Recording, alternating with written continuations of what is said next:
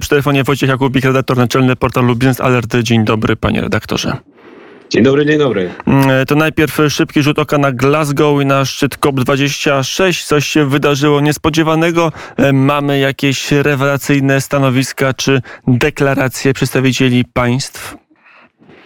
Nie mamy przełomu na pewno.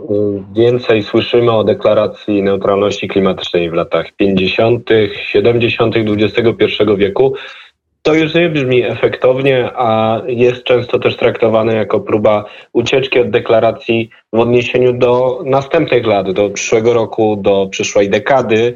E, ciekawą deklarację złożyły Węgry, czyli kraj, który teoretycznie e, ramię w ramię z Polską tutaj spiera się z Brukselą różne tematy. W sprawach klimatu jest w mainstreamie Unii Europejskiej i zapowiada, że odejdzie od węgla do 2030 roku albo nawet 2026 roku, jeśli się uda. I ciekawe jest, dlaczego to jest możliwe. A jest możliwe dlatego, że ma właśnie energetykę jądrową. Dlatego ta sytuacja Węgier odróżnia je od Polski, ale też daje sygnał, że warto ten atom w Polsce zbudować, żeby mieć taką komfortową sytuację jak Węgrzy, którzy mogą się chwalić, że zaraz sobie odejdą od węgla. Dlaczego? Bo mają alternatywę. Dlatego szczyt COP26 odbywa się niejako w cieniu kryzysu energetycznego. Kryzys ten jest często wymówką dla tych, którzy stwierdzili, że w takim razie bronimy status quo, na przykład w węglu. Nic nie musimy zmieniać, bo jest świetnie, bo teraz brakuje wszystkiego, więc jest hossa na węgiel. Otóż ta hossa się skończy, trendy, które są bardziej długoterminowe wrócą, więc e, czas zmieniać też naszą energetykę, nadrabiać zaległości. Długoterminowe konsekwencje walki z ociepleniem klimatycznym, na ile są widoczne w wyniku kryzysu energetycznego, na ile jest tak, że nagle przywódcy, ale też działacze, aktywiści, naukowcy mówią sobie, coś jest nie tak, bo za transformację płacą najbiedniejsi, przynajmniej teraz w ramach szoku energetycznego. Na pewno y, jest różnica zdań odnośnie do tego, jak zmieniać y, energetykę, jak transformować, żeby pomagać, nie szkodzić. Firmu non nocere y, to jest zasada, która też powinna przyświecać tym działaniom. Na pewno tak. Natomiast y, mamy bardzo ambitne plany krajów zachodnich, y, krajów Unii Europejskiej, w tym Polski, która jest podpisana pod tymi planami oraz Stanów Zjednoczonych, łącznie na przykład z ciekawą propozycją e, regulacji emisji metanu, kolejnego gazu cieplarnianego, ale to już jest e, wyzwanie dla sektora wydobycia gazu, ropy.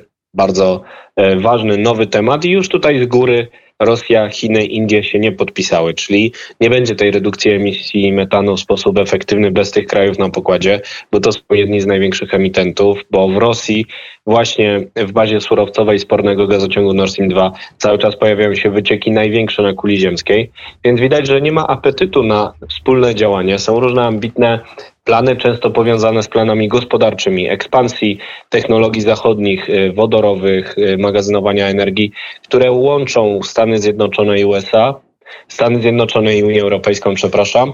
Natomiast y, reszta świata niekoniecznie będzie szła za tym przykładem, szczególnie właśnie w dobie kryzysu energetycznego. Drożyzna na rynku energii, ciepła, gazu, którą my w Polsce także doświadczymy, będzie tworzyła taką pokusę, żeby nic nie zmieniać, żeby zatrzymać reformy, bo po prostu jest drogo. Mm, jeszcze tylko jedno pytanie w tym bloku tematycznym o klimacie. Dzisiejsza publikacja Dziennika Gazety Prawnej bardzo ciekawa, trochę ją cytuję z pamięci, bo nie mam w tej chwili przed sobą gazety, ale e, tam taka tabelka, tabelka w jakim kraju ile się emituje CO2 na głowę mieszkańca. E, najbardziej emituje się w Kanadzie, e, a znacznie mniej niż połowę emisji przeciętnego Kanadyjczyka emituje przeciętny Polak?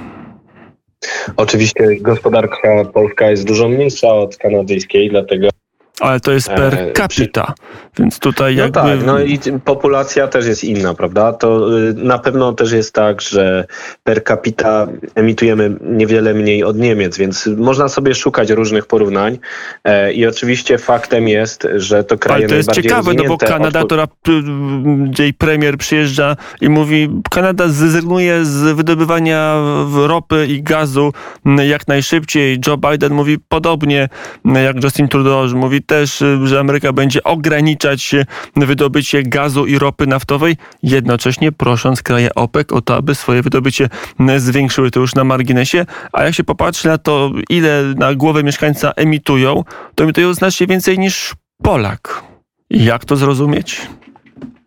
No, należy patrzeć szeroko na te dyskusje z punktu widzenia interesów gospodarczych, również e, różnic rozwojowych między poszczególnymi krajami. Faktem jest, że największa odpowiedzialność za emisję historyczną spoczywa na krajach najbardziej uprzemysłowionych, bo one od XIX wieku bardzo szybko się rozwijały, no i bardzo dużo emitowały.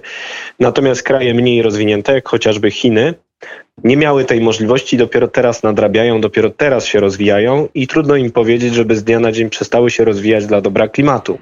No i trzeba jakoś te interesy pogodzić, dochodzi do tarć i Polska w, tym, w tej dyskusji pozycjonuje się gdzieś po środku, chociaż moim zdaniem nie jest tak źle z Polską, skoro e, pretenduje na przykład do grupy G20, chciałaby być w tej grupie 20 naj, najsilniejszych gospodarczo państw na świecie, nie może z siebie robić e, biednego kraju dopiero na dorobku, nie jest tak źle w Polsce. Natomiast nasza polityka klimatyczna oczywiście musi brać pod uwagę też kryzys energetyczny, który będzie oddziaływał na społeczeństwo. Jeżeli pójdziemy zbyt ambitnie z polityką klimatyczną, to będziemy mieli strajki na ulicach, które mogą doprowadzić do niekontrolowanej zmiany na scenie politycznej, która może się źle skończyć. W strajkach, których, w których Wojciech Jakubik by, by uczestniczył, czy nie? Nie, no oczywiście, że nie. To znaczy. E, nie jakby zrobić taką rewolucję, że od jutra zamykamy kopalnię, a siedzimy przy świecach wieczorami, bo nie ma prądu. E, to pan by to ścierpiał dla klimatu, czy nie ścierpiał? E, myślę raczej o takiej rewolucji, w której ktoś powie, że e, nie będzie wyższych cen energii, nie będzie wyższych cen ciepła ani gazu, bo mamy węgiel, albo ktoś, kto powie, że nie trzeba żadnej reformy prowadzić, bo nie będzie nam rozkazywać Bruksela i się wypiszemy na przykład z, z Unii Europejskiej. W takim e, proteście bym nie brał udziału. W proteście za tym, żebyśmy zamienili lampy na świeczki, oczywiście też bym nie brał udziału, bo żadne, żadna ekstrema nie ma nic do zaoferowania racjonalnego obywatelowi. Jako konserwatysta z Krakowa mogę tylko powiedzieć, że należy prowadzić racjonalne e, reformy dalej. Należy pomóc najbardziej potrzebującym taką pomocą socjalną, która jest przygotowywana, czyli tylko dla najuboższych i pozwolić wzrosnąć cenom, ponieważ tak działa rynek. Wszędzie y, na świecie drożeją mocno e, media energetyczne, energia, więc w Polsce nie może być inaczej. Można zakłamywać troszkę rachunek poprzez różne e, manewry socjalne, ale jednak jako zwolennik y, przedsiębiorczości wolnego rynku raczej bym ściągał na przykład y, obciążenia związane z cenami energii, akcyzę itp., żeby ulżyć trochę y, przedsiębiorcom, którzy dają miejsce pracy, zamiast transferować y, jeszcze więcej kapitału w Polsce, bo już mamy i tak rozbuchane projekty. A ile socjalne. prawda jest, no, ale to jest mój wywiad sprzed kilku dni dla portalu Gazeta.pl y, szefa y, Fundacji Batorego, który mówił, że w zasadzie trzeba się pożegnać z, z suwami. To są chyba takie samochody, które dużo palą. Ja nie jeżdżę, więc się nie znam, ale na przykład jem mięso i z tym też trzeba się pożegnać.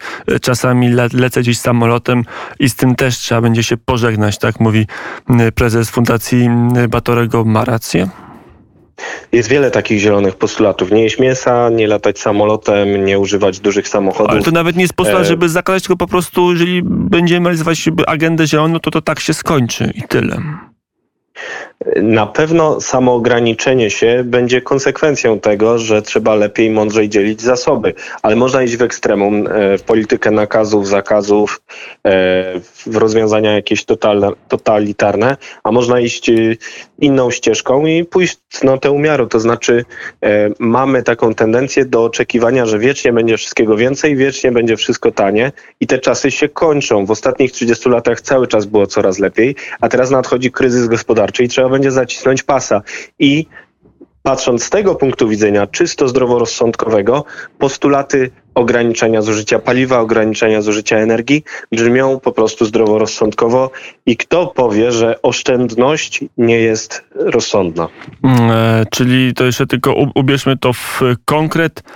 I jeżeli ktoś mhm. nie jest bardzo bogaty, to e, będzie go stać, żeby polecieć samolotem e, na Malediwy na wakacje albo do Paryża na weekend, czy to już będzie Nie przyszłość? zanosi się na wprowadzenie najbardziej radykalnych zielonych postulatów, bo one nie mają teraz dobrej prasy i w, y, dobie kryzysu energetycznego i gospodarczego nie mogą mieć.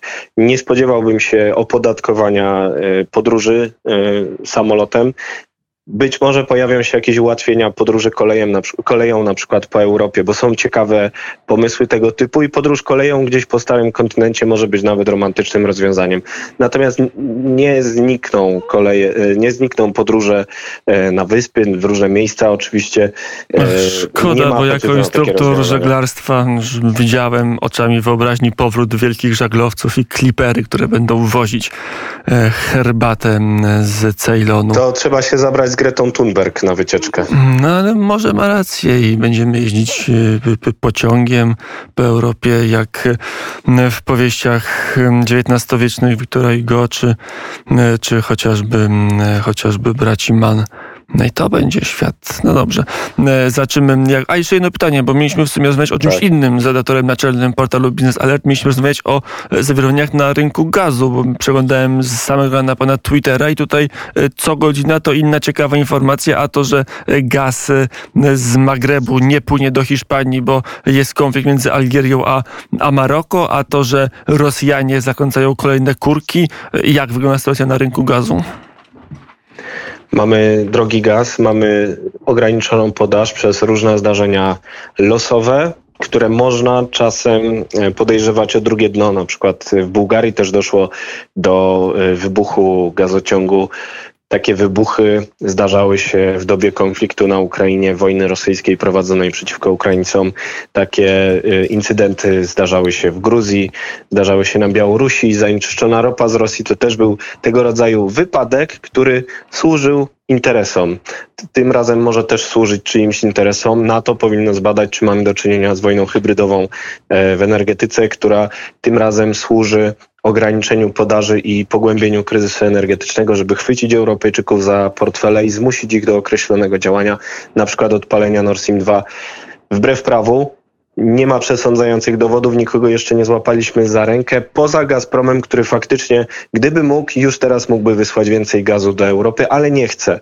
I dlatego zasługuje na drugie śledztwo antymonopolowe, o które apeluje Polska. Więc yy, no, mamy kolejny kryzys energetyczny, kolejny kryzys gazowy. Tym razem miejmy nadzieję, że wyciągniemy z niego lekcję.